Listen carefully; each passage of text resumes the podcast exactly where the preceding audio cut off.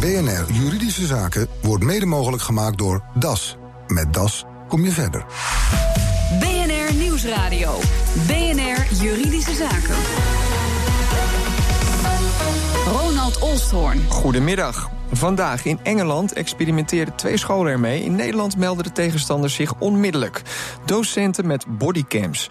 Kunnen deze camera's de veiligheid op scholen verhogen of verharden ze de sfeer juist? Zoals de VO-raad en de vakbond CNV onder Onderwijs vrezen. Straks ga ik daar met mijn gasten verder over praten, maar eerst collega Nelleke van der Heijden. Wat willen die scholen in Engeland nou precies? Nou, de argumentatie in Engeland is dat veel docenten met onrust in de klas te maken hebben.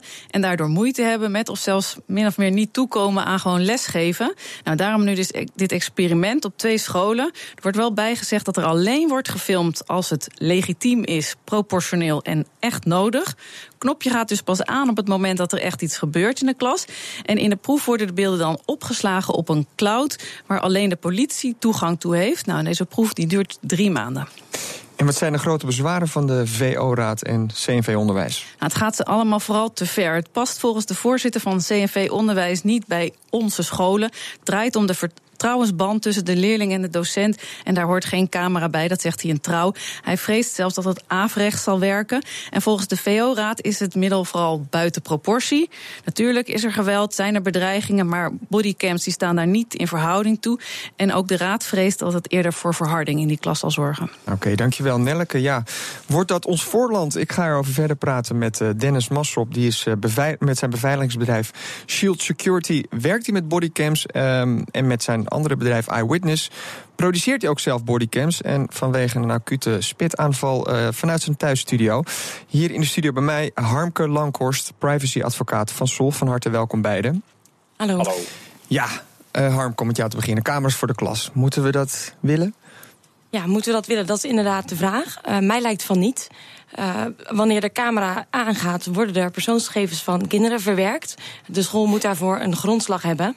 Uh, een van die grondslagen kan zijn het gerechtvaardigd belang van de school, omdat er dus sprake is van geweld. En uh, door die camerabeelden kan dat uh, misschien worden beperkt. het belang van kinderen is natuurlijk dat ze in de klas zitten en daarbij sprake is van een soort van veilige omgeving. En er dus heel veel persoonsgegevens worden verwerkt doordat die kinderen worden opgenomen. Dus die twee belangen die moeten tegen elkaar worden afgewogen. Je bent privacyadvocaat en ja. je, je, schiet natuurlijk meteen ook in de juridische argumentatie ja. wat dat betreft. Ehm, maar waar ik mijn vraag mee begon, denk je ook dat we het moeten willen? Is het misschien een beetje on-Nederlands ook, of niet? Oh, uh, los van de juridische vraag. Nou, dan zou ik inderdaad zeggen dat we het niet moeten willen.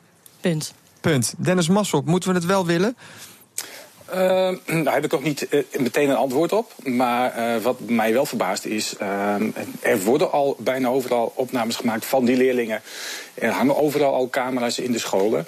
Dus ehm, ja, ik, niet, ik begrijp niet waarom nou uh, een bodycam daar anders in zou zijn. Ja, wat voor camera's doel je dan op? Nou ja, gewoon, heel veel scholen hebben al een soort protocol voor het cameratoezicht. Hè. Daar hangen gewoon camera's voor iedereen die de school binnenkomt, op het parkeerterrein, in de, in de, in de gangen. dus maar niet in de lokalen, toch? dat weet ik niet. Ik weet niet of er al camera's in de lokalen hangen. Ehm, en kijk, een bodycam is per definitie geen camera toezicht, hè, zoals uh, Nelke al aangaf. Uh, een camera gaat pas aan zodra er aanleiding voor is. Uh, maar, maar, ik wil eigenlijk even een stapje terug, want ja. het verbaast mij eigenlijk dat er nu zoveel ophef is. want zodra een, een leraar blijkbaar een camera om wil hangen, is het in één keer groot nieuws en is er veel ophef. Maar blijkbaar vindt men het heel normaal dat, uh, ik weet niet, honderden, misschien wel duizenden leerlingen tot nu toe al leraren hebben gefilmd. Of leraren die gepist werden. Of, en dat maar op YouTube zetten. Okay. Uh, dat is blijkbaar geaccepteerd. Dus, dus zij doen het ook, dus dan moet de leraar het ook moeten kunnen? nou, u. nee, het is geen uh, wedloop, hè. Maar op het moment dat een, een, een leraar bijvoorbeeld of een school zou overwegen om ook een camera uh, te gebruiken om uh, zijn of haar kant van het verhaal te vertellen, is het in één keer uh, een, een, dingetje. Harmke, interessant. Ja, een beetje eigenlijk equality of arms zou je kunnen zeggen. Uh, ja, ik begrijp inderdaad wel dat daar frustratie kan zijn. Uh, maar er moet natuurlijk per uh, gegevensverwerking worden gekeken of daar een grondslag voor is en een doel. En ik denk dat de school ook zeker wat tegen de leerlingen kan doen die YouTube-filmpjes online plaatsen. Dus je zou zeggen, dan moet je dat gewoon eerder dat aanpakken... in plaats van ook de, de leraren uitrusten met camera's. Ja. ja. Maar uh, andere punt wat natuurlijk gemaakt wordt... we staan hier in de studio. Volgens mij weten we al iets van vijf webcams op ons gericht. Nou, scholen worden dus ook volgehangen met camera's. Um, ja, misschien toch ook niet zo'n hele gekke stap om ook vervolgens toch eens te kijken in hoe het in de lokalen zit. Of je daar ook niet iets kunt uitrichten. Ja, ik vind uh, uh, camera's in de lokalen wel wat anders dan camera's op het schoolplein en in de gangen. Omdat dat toch meer uh, openbare plaatsen zijn. Terwijl in een klas moeten leerlingen wel ook echt uh, schoolprestaties uh, kunnen leveren. En ook in een veilige omgeving met elkaar kunnen oefenen. want het zijn natuurlijk wel wat dat betreft gevoeligere gegevens. Als het gaat bijvoorbeeld om iemand die, die bezig is met wiskunde en dat moeilijk vindt. Dan is dat wel gevoeligere gegevens dan als iemand gewoon buiten rondloopt. En nog één keer. Ja? Dat, dat, is niet een, een, reden om een camera aan te zetten. Hè? Iemand tussen weten zit op zo'n wiskundesommetjes. Daarom zet je niet een camera aan. Dus hè, zoiets zet je aan omdat er bijvoorbeeld agressie is naar een leraar toe. Of ja. uh, onderling. Of, uh, hè, en, dus Dennis, uh, jij zegt het kan enorm van toegevoegde waarde zijn als je een goed protocol hebt. Ja, als je het goed gebruikt, kan een bodycam uh, echt een positief effect hebben op uh, het Ja, er zal wel veel bijvangst zijn als die bodycam aangaat. Omdat die op het lichaam van de leraar is uh, geplaatst. En als een, een leraar dan gaat lopen en daardoor ook een andere leerling filmt dan wordt er daar ook gegevens van verwerkt. En er zijn ook ja, andere manieren om agressie aan te pakken. Ik denk dat dat tuurlijk. ook uh, naar voren moet worden gebracht in deze discussie. Ja. Die een stuk minder ja, ver gaan. Tuurlijk, en ik zeg ook niet dat het een, een zaligmakend middel is, maar er wordt gevraagd: uh, moeten we wel of niet uh, willen? Uh, dat is vraag 1, maar het kan wel en het kan een positieve het, werking hebben. Ja, het kan wel. Het kan. Wat, wat kan in zo'n klas dan? We gaan het straks nog hebben over de politie. Uh, maar wat zou nou de enorme toegevoegde waarde van uh, bodycams voor leraren in de klasse kunnen zijn, volgens jou, Dennis? Ik denk met name gewoon de preventieve werking. Iedereen gedraagt zich anders zodra hij weet dat hij opgenomen wordt. Uh, dus een leerling zal zich ook twee keer bedenken voordat hij misschien uh, een, een, agressieve houding gaat aannemen of uh, geweld tentoonspreidt. Dat gaat het zeker hebben. En daarnaast kan het ook in het voordeel van de leerling werken. Ook een leraar kan zich misschien misdragen en geen gelijk hebben altijd. Dus het is uh, een, een, middel wat voor beide kanten uh, positief effect kan hebben. Maar in dat geval, um, als je hoopt dus dat um, leerlingen in dit geval wel even twee keer nadenken wat ze doen, dan moet je dus eigenlijk toch weer continu die camera's aanhouden. Nee. Nee, dat hoeft niet. Uh, er zijn camera's, zoals die van ons bijvoorbeeld, die hebben een pre-record functie. En dat houdt in dat, dat die eigenlijk continu 30 seconden aan het bufferen is. Um, en als er dus niks gebeurt, als je dus niet op de knop drukt van nu opnemen, dan gooit die continu die 30 seconden weg. Maar zodra je dus een incident hebt en je drukt dan op de knop opnemen. Oh. Ik denk dat Dennis ook even op de knop, uh, de, op de knop opnemen drukte. Uh, we gaan hem weer eventjes in, inbellen. Maar Harmke, um, wat vind je van het verhaal van Dennis? Ik begrijp wel dat uh, vanuit zijn functie uh, hij de voordelen ervan inziet. Uh, ik vind dat vanuit juridisch opzicht het gebruik van die bodycams, ook al staat hij niet continu aan, niet proportioneel is. Zeker gezien het feit dat het in het klaslokaal is waar dus leerlingen in een veilige omgeving moeten zetten, kunnen zitten. En het ook gaat om kinderen. Want nog één keer, die, die, we hadden het net over die andere kamers die in de school hangen. Mm -hmm. Wat zijn daar nou de regels voor? En zouden die ook kunnen gelden voor bodycams in een klaslokaal? Of gaat die vliegen niet op? Uh, er moet gewoon gekeken worden naar of er een uh, grondslag is voor de gegevensverwerking en of er een doel is. Uh, en de grondslag kan bestaan uit het gerechtvaardigd belang van de school. En dat moet dan worden afgeweegd tegen het belang van de kinderen. En kan dat, belang, dat gerechtvaardigde belang ook in een klaslokaal toch zich afspelen dan? Uh, dus, dat dus, zou moeten worden afgewogen, inderdaad. Het voorkomen van agressiviteit bijvoorbeeld? Ja, dat, dat zou moeten worden afgewogen tegen het belang van het kind op recht op privacy. Ja. Uh, en uh, het feit dat het een minderjarig kind is, het in het klaslokaal gaat om het, het, oefenen met onderwijsmateriaal.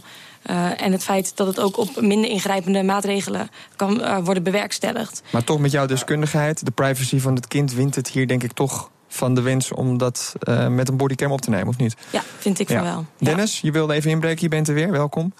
Ja, ja dankjewel. Ja, ik, ik viel even weg. Uh, uh, er wordt gesteld dat het alleen maar gaat om minderjarige leerlingen. Maar er zijn natuurlijk niet uh, alleen maar minderjarige leerlingen. Dus heb ik een klein dingetje, kleine nuance. Er zijn ook een heleboel uh, uh, volwassen leerlingen, zeg maar, meer 18 plus. Ja, ook ik hè, ben niet meteen uh, iemand die zegt van uh, het moet per se moeten. Uh, maar goed, je zou dan inderdaad ehm, dat goed kunnen regelen als uh, de leraar zich ook gesterkt voelt. En, en ook niet het risico loopt bijvoorbeeld ja. om continu gefilmd te worden. Of, ja, dus dat zouden we dan toch even uit... Volgende keer moeten we dan ook nog even de leraren zelf uitnodigen. Maar de CNV-vakbond die had er dus eigenlijk geen zin in, hoorden we al. Okay. En de VO-raad dus ook niet. Ehm, maar nog even, het punt werd net ook al een beetje aangestipt. Wat gebeurt er met de beelden? En ja, wie heeft er allemaal toegang toe? Dat is natuurlijk ook een belangrijk aspect. Ja, dat moet je dus regelen in, uh, in het protocol. Uh, sommige scholen die hebben dat gewoon goed geregeld. Die hebben het afgetimmerd. En het protocol wat voor iedereen toegankelijk is en, en in, in, te zien. Hè, waarin men vertelt van nou, wij bewaren zo lang de beelden als er geen aanleiding voor is. volgens mij is het wettelijk maximaal vier weken. Uh, en, en, uiteraard mogen niet uh, de beelden gepubliceerd worden, hè, want daar verwarren mensen soms ook wel eens uh, opslag mee. het is niet zo dat je de beelden hebt en die dan maar op YouTube of op andere internet of mediabronnen kunt tonen. Dus publiceren is sowieso verboden en ook het heimelijk opnemen is niet toegestaan. Ik zie de advocaat hier wel knikken, maar klopt ja. het allemaal wettelijk gezien? Ja, klinkt, klinkt inderdaad. ja, en ouders hebben hier natuurlijk uiteindelijk ook nog een grote C. Natuurlijk niet als de kinderen misschien ouder dan 18 zijn, maar die kunnen hier natuurlijk ook nog voor gaan liggen, neem ik aan. Ja. Ja. Ja, plus dat ik, sorry dat ik heel even. Ja, nee, dat is wel een mooi punt, mooi punt wat je aanhaalt. Ik denk dat juist dat dat soort beelden uh, heel erg ook kunnen laten zien. Uh, uh, ik wil niet alle ouders natuurlijk over één kam scheren, maar vaak zie je toch zo dat er bij een incident gedacht wordt door veel ouders van, nou, zoiets doet mijn kind niet. Op, op, op dat vlak uh, kan het ook nog wel eens een eye-opener zijn voor sommige ouders. Dat ze dus geconfronteerd worden met hun kind. gedrag vertoont op school dan niet thuis doet. Een hoop regels dus om over na te denken. Maar de bodycam heeft zijn dienst al wel bewezen bij de politie. Hoe? Dat hoort u straks. BNR Nieuwsradio. BNR Juridische Zaken. Bodycams in de klas. Voor veel mensen toch nog wel een schrikbeeld. Maar de politie heeft er, zeker in de Verenigde Staten en Groot-Brittannië, positieve ervaringen mee opgedaan. Daarover praat ik met mijn gasten. Dennis Massop van Shield Security en Harmke Lankhorst van Zolf Advocaten. Uh, al werkt het natuurlijk niet altijd deescalerend. Luister even mee naar een fragment van september vorig jaar. Charlotte, North Carolina. De vrouw van Keith Lamont Scott uh, filmt hoe haar man uiteindelijk wordt doodgeschoten. Don't shoot him. Don't shoot him. He has no weapon. He has no weapon. Don't shoot him. Ja, de politie had zelf ook een bodycam en een dashboardcam. En volgens hen was daarop te zien dat Scott een uh, wapen droeg. De aanklager ging daar uiteindelijk in mee, waardoor de agent die schoot vrij uitging. Uh, straks eventjes over de rol van de cams achteraf. Maar Dennis, uh, ja, natuurlijk een geval op zich, maar blijkt maar weer eens dat met die uh, bodycams je natuurlijk geweld niet altijd kunt voorkomen. Nee, uiteraard niet. Uh, excessen zul je altijd houden. kan het het ook in, in de hand werken? Uh, wellicht in, in sommige gevallen, maar uh, ja, de, de, statistieken wijzen uit dat uh, in het gros van de gevallen je gewoon echt een aanzienlijke afname van het aantal geweldsincidenten ziet. Ja, want er was onlangs nog een onderzoek in Engeland, Cambridge volgens mij, gedaan onder 2000 agenten. Ja. Dat ging dan niet zozeer om geweld, maar klachten tegen de politie. en die waren zo goed als allemaal als sneeuw voor de zon verdwenen. Ja, klopt. Ze hebben daar uh, zeven districten hebben ze 2000 politieagenten daarbij betrokken. En uh, ze hebben een afname van 93% van de, de, klachten tegen politieagenten ge, geconstateerd. En dat is bijna een verdamping. En dat zal tweeledig zijn. Hè. Mensen zelf zullen zich beter gedragen, maar uh, ook de politieagent... Uh, die wordt er gedwongen om ook over zijn eigen handelen na te denken. Dus uh, dat zal ook een positief effect hebben ja, gehad. Wie is er het gevoeligst voor, voor die camera? De agent zelf of toch de mensen op straat die in aanraking komen met de sterke arm? Ehm, weet ik niet. Ik, ik, ik, ik heb geen idee of daar verschil in zit. En jij uit eigen ervaring, wat zou je zeggen? Wat denk je? Ja, ik denk dat het 50-50 is. Ik denk dat je, als je dus geconfronteerd wordt met een bodycam, dat je uh, uh, je anders gaat gedragen. Ik vergelijk het altijd met uh, als ik in de auto zit en ik rij gewoon op de snelweg, er is niks aan de hand. ineens kijk ik in mijn spiegel en er zit politie achter me. Dan heb ik geen enkele reden om, om zenuwachtig te worden. Maar toch ga ik automatisch checken. Hey, even naar mijn snelheid kijken. Rij ik niet te hard? ik heb mijn gordel om. Ik ben niet aan het bellen. Dus dat is onbewust toch een, een positieve gedragsverandering. maar ook als je zelf filmt, word je ook uh, gedwongen om na te denken over wat je zegt en wat je doet. Dus een stukje professionalisering. Uh, nu werk jij met je bedrijf ook samen volgens mij met de Nederlandse politie om het hier ook, om hier ook uh, nou, met de bodycams te experimenteren. Als je het nou goed wil doen in Nederland, hoe zou je dat dan het beste kunnen doen? Hoe bedoel je precies? Ik begrijp uh, nou, hoe je het goed moet inrichten. Want het is toch niet per definitie zo dat uh, het altijd maar een heilzame werking heeft. Wat, ook veel hangt denk ik weer af van... We hadden het eerder voor de break al over een protocol bij school bijvoorbeeld. Ik denk dat je hier ook goede ja. afspraken over moet maken. Ja, je beslist. Je moet gewoon echt goed beleid maken. En van tevoren duidelijk hebben wat je doelen zijn. Wat je nou eigenlijk wil met het inzetten van de bodycams. En, en daar dan inderdaad. Uh, en moet iedere agent er dan aan? Of kan je dat bijvoorbeeld ook weer aan de agent zelf overlaten, wat jou betreft?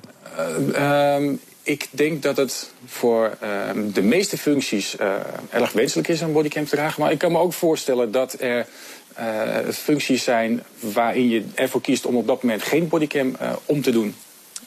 Harmke, hoe zit het met privacy? We hebben het voor de, voor de reclame dus even over gehad hoe dat in het klaslokaal zit.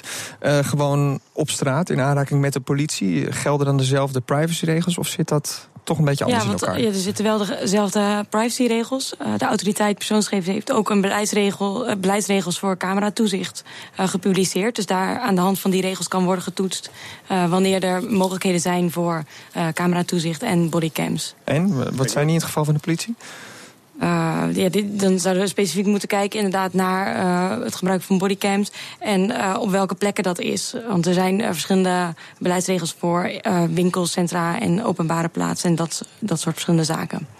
Ja, was het gaat, ja Dennis, ga je, je wilde even ja, inbreken? Ik, ik, ja, sorry dat ik dat even wil in. Want ik wil toch even een klein nuanceverschil maken. Een, een bodycam is per definitie geen cameratoezicht. En het is eigenlijk een beetje zoals elke mobiele telefoon. Die heb je bij je en die zet je aan als dat nodig is. Het is niet zo dat ja, je uiteindelijk worden toch wel gewoon beelden van je gemaakt in, de, in een bepaalde openbare ruimte. Dus dan heb je toch ja, maar dat, maar dat hetzelfde is geen toezicht. effect. Je maakt net houden. ook de vergelijking met de camera's op scholen. Dus dan is het nu, zou het nu anders zijn. Nee hoor, dit is een hele andere, uh, uh, andere uitleg hier. Er wordt gezegd dat cameratoezicht uh, onder bepaalde voorwaarden moet doen. Maar een bodycam is per definitie niet cameratoezicht. Je zou het daarvoor kunnen gebruiken, maar het is niet zo dat een bodycam automatisch cameratoezicht is. Uh, achteraf, denk je, want dat het fragment wat ik eerder dus uh, hoorde, was het later natuurlijk zijn die beelden dan weer inzet om, ja, iedereen wil daarmee zijn eigen gelijk bewijzen. Uh, daar kan het natuurlijk ook een grote rol in gaan spelen in de strafrechtketen. Ik weet niet, lukt dat ook een beetje, Dennis? Of als je kijkt naar die buitenlanden? Uh, ja, er worden regelmatig successen behaald. En uh, zowel voor burgers als voor uh, als politieagenten. Je ziet ook dat in dit geval dan wat net genoemd wordt, begrijp ik dat de politieagent niet vervolgd is. Maar er zijn ook verhalen dat, dat de politieagent juist op beelden van bodycams wel veroordeeld of ontslagen is vanwege het wangedrag. Zie je ook nog uh, negatieve effecten? Want ik begrijp dat jij als producent van die bodycams natuurlijk wel graag zou willen dat we daar met z'n allen aangaan. Maar uh, als het gaat om de politie, uh, ja, en eigenlijk meer in het algemeen, zie je ook nog wel echt de nadelige effecten ervan? Bijvoorbeeld voor de privacy of bijvoorbeeld dat het soms juist geweld in de hand helpt? Nee, eigenlijk niet. En, en, natuurlijk. Wat een verrassing. Nee, nee ik, ik, ik, moet je wel vertellen dat. Kijk, wij zijn met bodycams uh, begonnen omdat wij de, de meerwaarde zagen. Vanaf 2007 ben ik al met, met bodycams bezig en zag gewoon in het beveiligingsvak een grote meerwaarde. het kan je ook in, in de wel eens niet discussie al heel veel gedoe besparen. Uh, maar ik denk niet dat, je, uh, dat iedereen in Nederland een camera om moet hangen en 24 uur per dag alles moet filmen. Je moet daar gewoon wel goed mee omgaan en op de juiste manier toepassen. Harmke, wat denk jij? Ik denk inderdaad dat, dat er altijd elke keer als wordt gefilmd moet worden gekeken naar wat is het doel, wat is het grondslag en kan dat op minder vergaande manieren. Want ik vind niet dat, uh, omdat het mogelijk is, het ook maar zou moeten kunnen. Maar gaan we daar toch langzaamaan niet met z'n allen een beetje naartoe? Nee, dat zie ik niet zo. Nee, want die toets die blijft gewoon bestaan. Oké. Okay. Uh, tot slot, ja, ja de, moet, moet wat. Dennis, Um, wat betreft het aanzetten van die camera's dan. Moet, uh, moet die dan, uh, geldt hetzelfde weer als in de, klaslokalen? Niet altijd, maar gewoon op bepaalde momenten. En is dat ook weer te regelen? Ja, daar zou ik zeker voor zijn.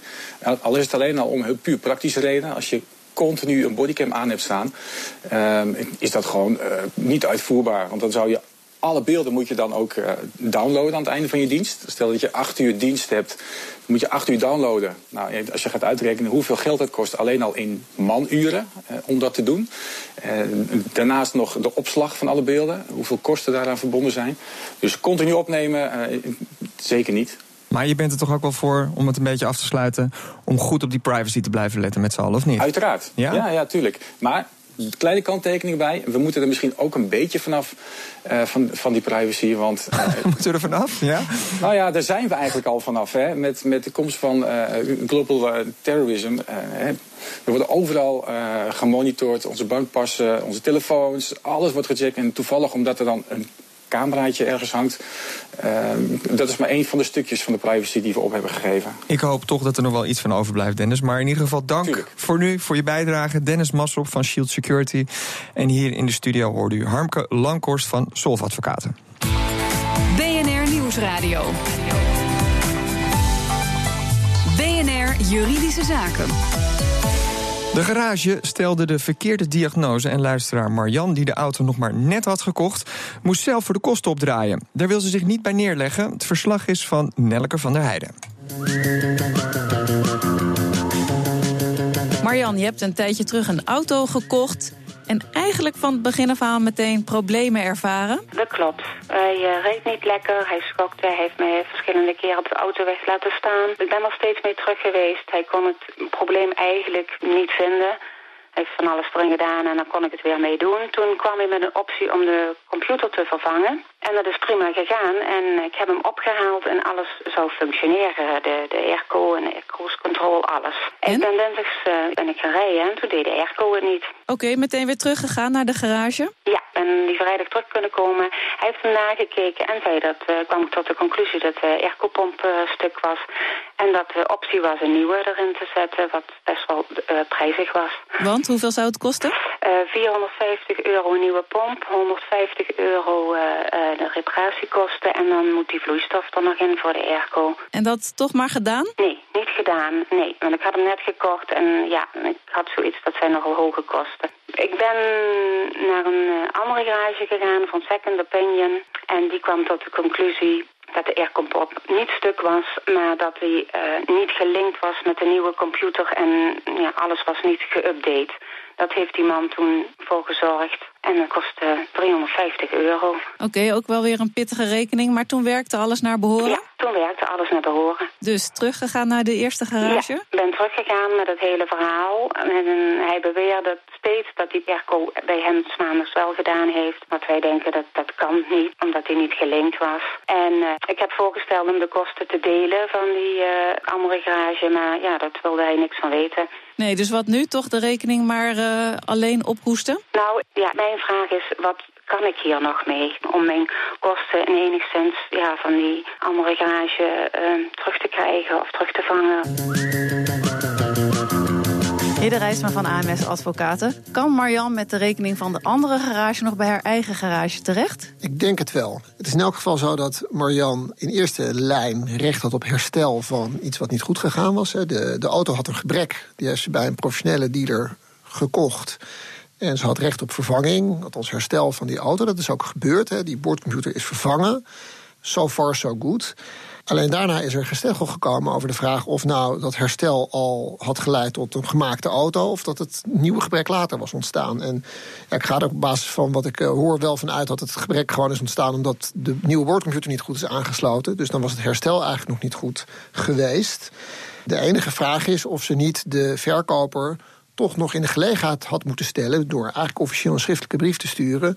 om die boordcomputer goed aan te sluiten. Dat heeft ze niet gedaan, maar de verkoper heeft ook gezegd... dat hij die brief, als ze hem zou sturen, zou verscheuren. Dus eigenlijk had ze daaruit wel mogen aannemen... dat die verkoper die aanmaning toch niet zou laten plaatsvinden. Dus in dit geval heeft ze volgens mij recht op vergoeding... van de gemaakte kosten bij de andere garage. En hoe moet ze dan aanpakken dat die garage toch die rekening gaat betalen? Zij moet bij de rechter vorderen dat de oorspronkelijke verkoper wordt veroordeeld tot betaling van de kosten die ze heeft gemaakt. Er zit niets anders op. Dus wel naar de rechter? Als na nogmaals een vriendelijk verzoek aan de verkoper eh, de verkoper niet betaalt, zit er niets anders op inderdaad. En is het dan niet veel duurder uit uiteindelijk? Dat zou zomaar kunnen, maar als ze bijvoorbeeld een rechtsbijstandverzekering heeft, dan heeft ze in elk geval recht op, eh, op bijstand, ook voor een geval als deze. Kansrijk dus, volgens advocaat Hidde maar mogelijk dus ook kostbaar. Verslag was van Nelleke van der Heijden. En heeft u zelf een juridische vraag? U kunt hem naar ons mailen. Het adres is juridischezaken.bnr.nl. Dit was de uitzending voor vandaag. U kunt de show altijd nog eens een keertje terugluisteren via bnr.nl slash juridische zaken. Mijn naam is Ronald Olstorn. Tot de volgende zitting. BNR Juridische Zaken wordt mede mogelijk gemaakt door DAS. Met DAS kom je verder.